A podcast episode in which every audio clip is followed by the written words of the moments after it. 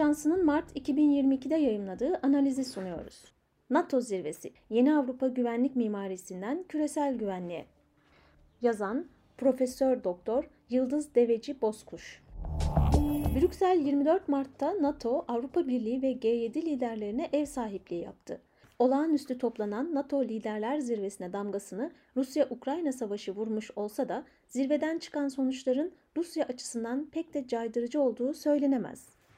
Zirve aynı zamanda şimdiye kadar üye ülkeler arasındaki çatlaklıklarla gündeme gelen NATO'nun konsolidasyonunu ve Avrupa Birliği'ndeki fikir ayrılıklarının da ortadan kalktığını göstermesi açısından önemliydi.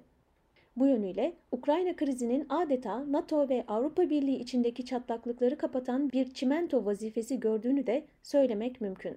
Cumhurbaşkanı Erdoğan'ın da katıldığı bu zirvede liderler kendi aralarında da bir dizi temaslarda bulundu.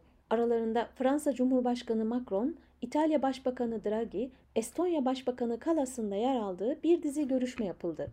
Fransa ve Türkiye'nin ara buluculuk rolü ve birlikte bu rolün ileri taşınması hususu da gündeme geldi. Rusya-Ukrayna savaşında Türkiye'den sonra en fazla çaba sarf eden ülkelerden olan Fransa'nın hem arabuluculuk hem de Rusya'ya yönelik yaptırımlara Türkiye'nin de dahil olması beklentisi bulunuyor.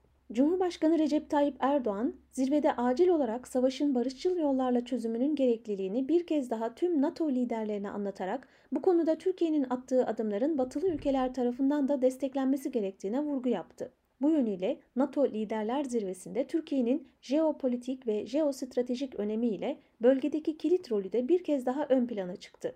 Türkiye zirvede sürecin en başından itibaren Ukrayna'nın toprak bütünlüğünden yana bir tavır sergilediğini dile getirerek benzer bir tavrın diğer muhataplar tarafından gösterilmediği için bugün bu savaşın yaşandığına da işaret etti.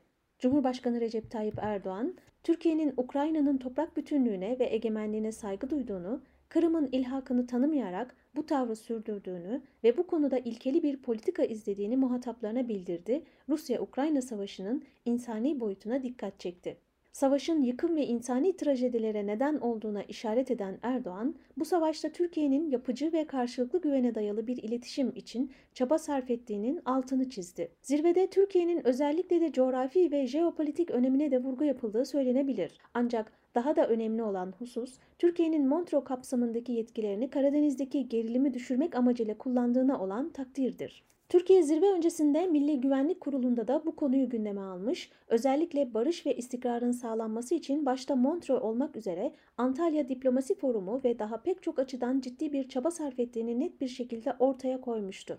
Bu nedenle bu zirve, Türkiye'nin Rusya-Ukrayna savaşının sona ermesi hususunda ortaya koyduğu barışçıl tutumunu NATO üyelerine anlatma açısından önemliydi. Öte yandan NATO Liderler Zirvesi Türkiye'nin Batı dünyası ve özellikle de Amerika ile Patriotlar, S-400, F-35, Amerika'nın terör örgütlerine yardımı, Ermeni meselesi, F-16'ların modernizasyonu gibi mevcut meselelerin de görüşülmesi açısından tarihi bir fırsat oldu. Ayrıca müttefikler arasındaki ambargoların ortadan kaldırılması hususu da Türkiye tarafından dile getirildi. NATO'nun Türkiye'nin jeopolitik ve jeostratejik öneminin farkına varması ve buna dile getirmesi açısından bu zirvenin tarihi bir fırsat olduğunu söylemek mümkün. Türkiye'nin Ukrayna krizinde müzakerelerde kabul edilen taraf olması, barışa dair çabaları ve arabuluculuk konusundaki mekik diplomasisinin ve taraflarla olan eşit mesafe iletişiminin de Batı'da övgüyle karşılanması bu önemin en belirgin kanıtı.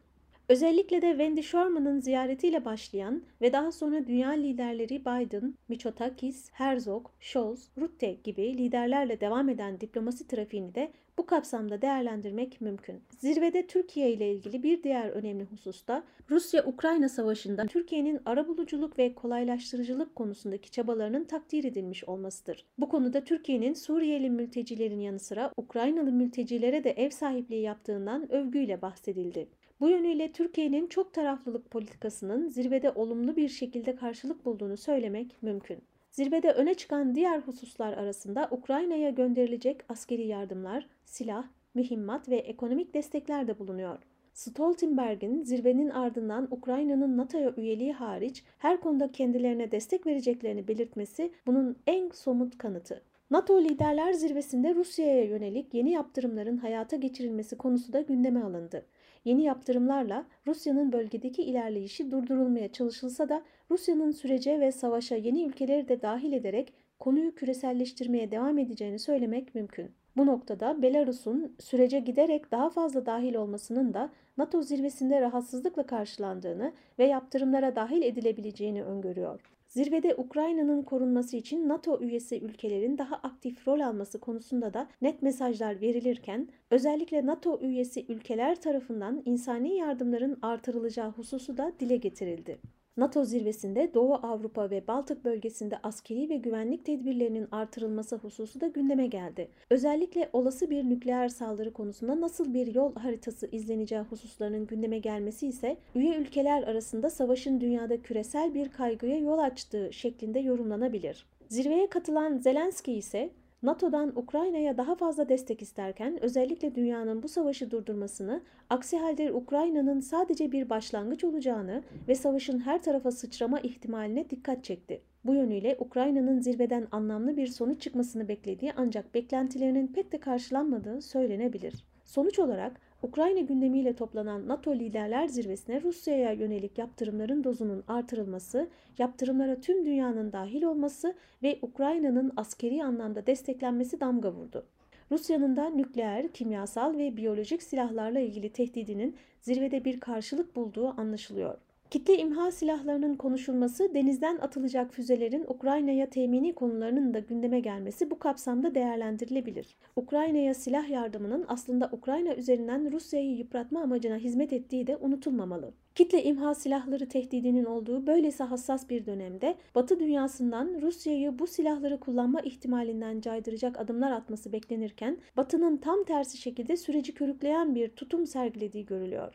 Bu nedenle bu adımlar barış çabalarını da zedeleme ihtimali barındırıyor. Unutulmamalıdır ki Karadeniz'deki bu savaş enerji, ticari, güvenlik ve daha pek çok açıdan en fazla Türkiye'yi etkiliyor. Başta bölgeye paralı askerlerin getirilmesi olmak üzere bu tür adımların da kısa ve uzun vadede tüm dünyayı etkileyeceği göz önünde bulundurulduğunda Batı'nın da Türkiye ile benzer bir barışçıl tutum izlemesi hem herkesin yararına olacak hem de bölgede bir nebze de olsa tansiyonu düşürecektir. Siber saldırılar, nükleer, kimyasal ve biyolojik silahların konuşulduğu bir dönemde yapılan bu zirvede ayrıca Çin'in Rusya'ya ekonomik ve askeri anlamda destek vermemesi gerektiğine de dikkat çekildi. Bir diğer önemli husus da NATO'nun ittifakın her karış toprağını savunacağına dair yapılan açıklamadır. Bu da Ukrayna'nın NATO'ya dahil edilmeyeceğinin en somut açıklaması olarak yorumlanabilir. Profesör Doktor Yıldız Deveci Bozkuş, Ankara Üniversitesi öğretim üyesidir. Makalelerdeki fikirler yazarına aittir ve Anadolu Ajansı'nın editoryal politikasını yansıtmayabilir. Müzik